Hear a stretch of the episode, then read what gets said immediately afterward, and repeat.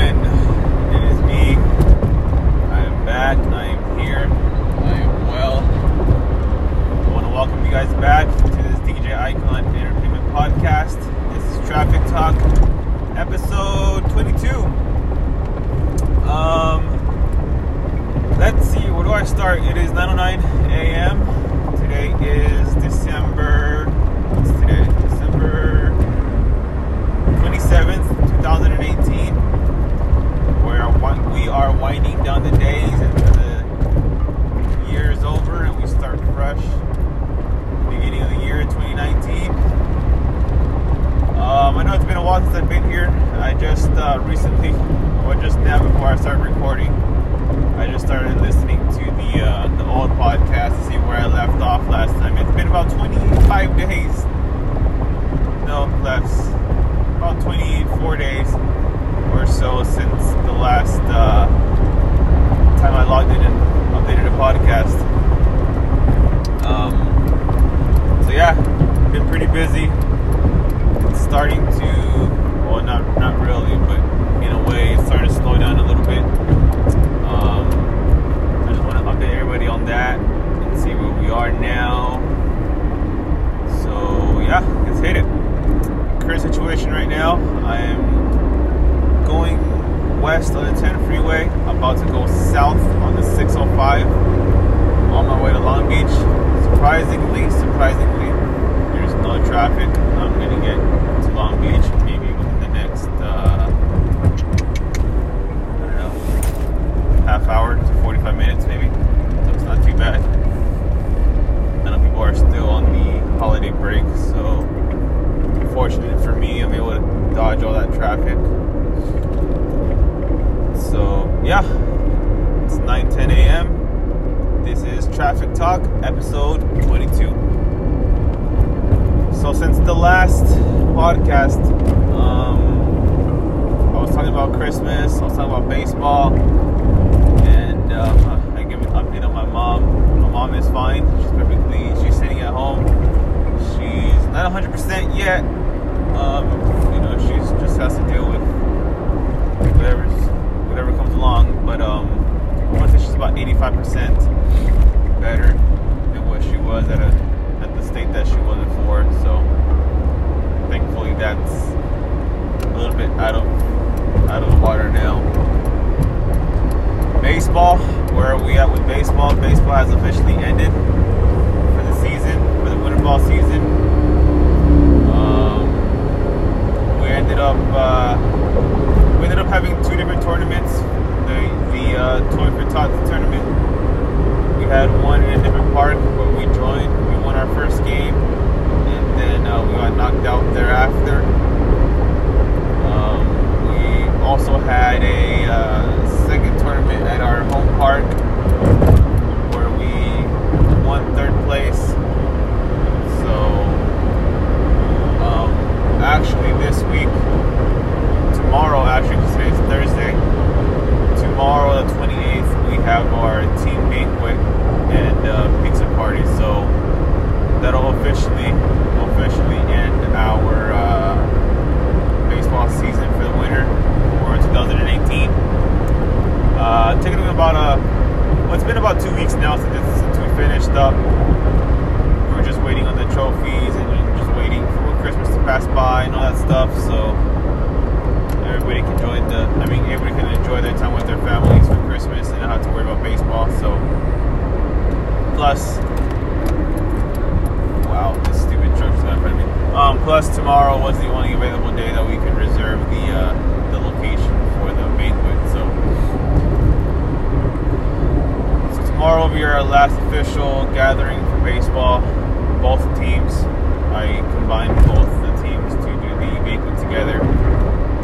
Um, and we will take about a month. I want to say a month and a half off. To take back off in February. Start practicing and then get all the um, 8U players ready for this upcoming season. We didn't do very bad we were very new, but uh, you know we got some stuff done. We got we got to where we wanted to be, and you know just a lot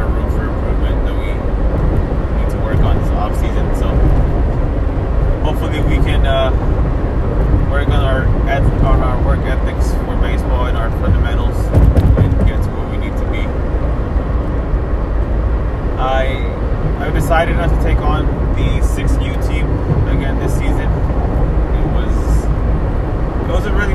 Don't get me wrong.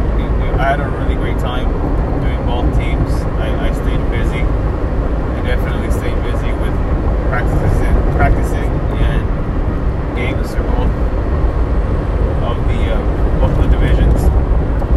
And uh, I'll, I'll say this: I had a great time coaching both teams. I had a great time feeling all the kids. You know, really, I, I really love kids, and I love showing them how to play baseball. And I had a really great time doing it. You know, don't get me wrong, I loved it. I loved every moment of it. It was all fun. It was all. It all got me through whatever stress I was getting through, and it was really, really enjoyable. The big, the reason, the main reason why I am not taking on the second team again this upcoming season. Um, one is because the August, you know, was just a lot for me. It was difficult keeping up with both teams. I felt like I didn't give either team 100%. You know, I was I was stuck between both teams, going back and forth, so I didn't really have enough um, focus on both teams. You know, I kind of split my focus between both teams and gave both teams my 50%, um, which it's not fair to the kids, and it's difficult for me to try to adjust to, especially when you have life going on and everything that I had to go through this this season. So, and you know, and I just kind of want to focus on one team and show them everything that they need and focus on those players, you know, which obviously is my 8U team. They've been with me for the longest, and um, I want to make sure that they understand that I'm there for them, and I'm, I'm not just there to be there. So that's main reason number one. Um, the biggest reason why I'm not taking on the 6U team again is because I have no support um, as far as the coaching staff. You know, our park is really lenient to who can help us coach. You know, the president's really open to anybody that wants to help coach can come coach and help out.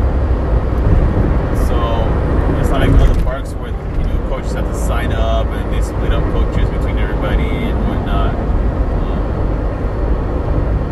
but for me, I was the main coach for both teams. Obviously, I took them both on. Um, but that's not what I'm complaining about.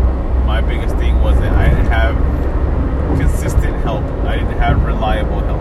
You know, I have my nephew that helps me out, but my nephew is in a place right now where I mean, he's not about everybody else around him. He's just about himself, pretty much. He's at that state where it's just about him. If he doesn't like to do something, he's not going to do it. And if he has to do something, he's just going to stand there and say he did something. Pretty much um, what it is. So we didn't really get along this season. You know, I was really disappointed in him since he, he has been there to help me out since day one. Um, and he's he knows a lot better than what he did this season. So a lot of disappointment there with him. Um, but let's start with my 8U team. You know, it was me, the head coach, my nephew, um, helping out, and then I had a, a parent helping me out coach. You know, he. I don't want to talk bad about it because you know I, I I'm really thankful that he did help me as much as he did. You I'd rather have some help than no help. But um, it was just a parent helping out. Um, again, I'm really grateful that I had him to help out. You know, I was able to delegate some of the smaller things to him to help me out, but um, the, the baseball knowledge wasn't there. So if I would, if I was to ask like, hey, you know, help this group through practice, you know, work on this drill, and I would explain it how I wanted it done, he wouldn't do it that way. You know, he would just do it a different way that he thought was better, which obviously I know what I'm talking about, right? You know, playing baseball 18 years of my life, watching baseball 190 days out of the year, you know, um, it's just I know baseball, you know. So, you know, that was the frustrating part that he was too green. He was, the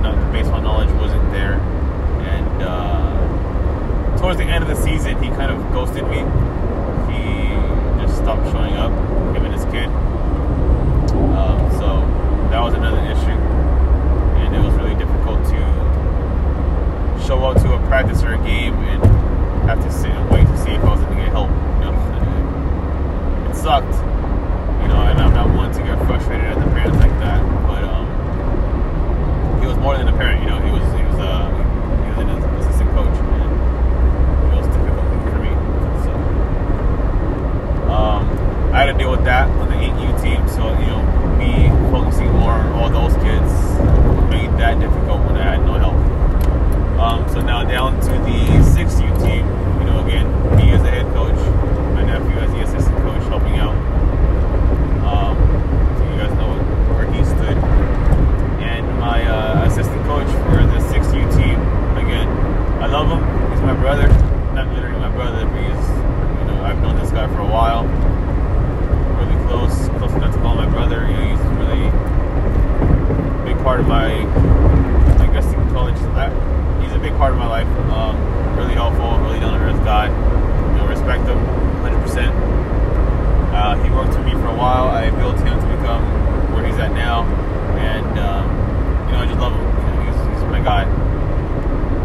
But like I said, I built him to be where he's at now. So work took over him,